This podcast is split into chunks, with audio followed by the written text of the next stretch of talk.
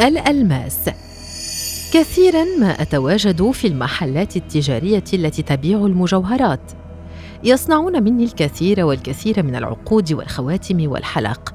وكما تعلم أنا أحد أغلى الأحجار ثمنا تقريبا حتى أن هناك الكثير من الحروب قد شنت من أجلي.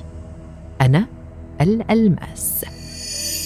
بداية استخدامي كانت في الهند منذ آلاف السنين.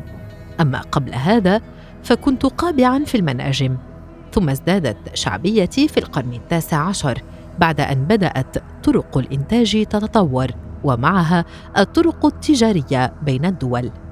علميا أنا متشكل من الكربون أي الفحم وفقط الفحم حيث تكونت وتغيرت لهذا الشكل بعد ظروف الضغط والحرارة العاليتين اللذان تعرضت لهما في جوف كوكبنا على عمق 150 كيلومترا. وهذا طبعا أخذ الملايين من السنين.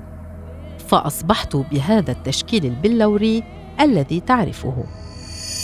أما عن اسمي الألماس أو الدايموند فهو مشتق من الكلمة اليونانية أداماس والتي تعني الصعب التطويع أو الثني.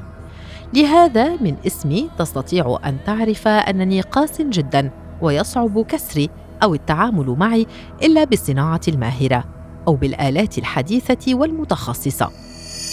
في الحقيقة ليس هناك حجر ألماس صاف فمن المعروف أنني شفاف جدا ولكن يوجد مني ألوان صفراء وهناك لون نادر وهو الأخضر والأزرق أيضا. هذه الألوان تنتسب لي تبعا للظروف التي تكونت فيها أو للشوائب التي اختلطت معي أثناء مرحلة التكون. وعندما أستخرج في غالب الأحيان لا أكون بالشكل المعروف لك. بل أكون خشنا وغير متناسق لكن أعمال الصقل والنحت والتنظيف تستطيع إبراز جمالي المشهور. هناك الكثير من الأساطير التي حيكت عني، فكانوا يظنون أنني أحتوي على بعض الخصائص السحرية مثل أنني أعالج كل الأمراض أو أنني أرجع العقل لمن فقده، والكثير من الأشياء، إضافة إلى أنني رمز للفضيلة والكرم.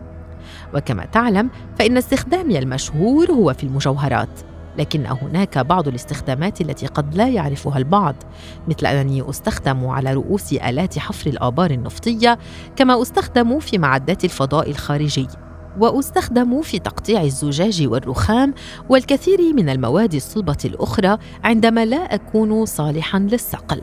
لهذا يمكن أن تسميني الحجر الأكثر قيمة بين الأحجار الكريمة بعد غريم الياقوت الأحمر.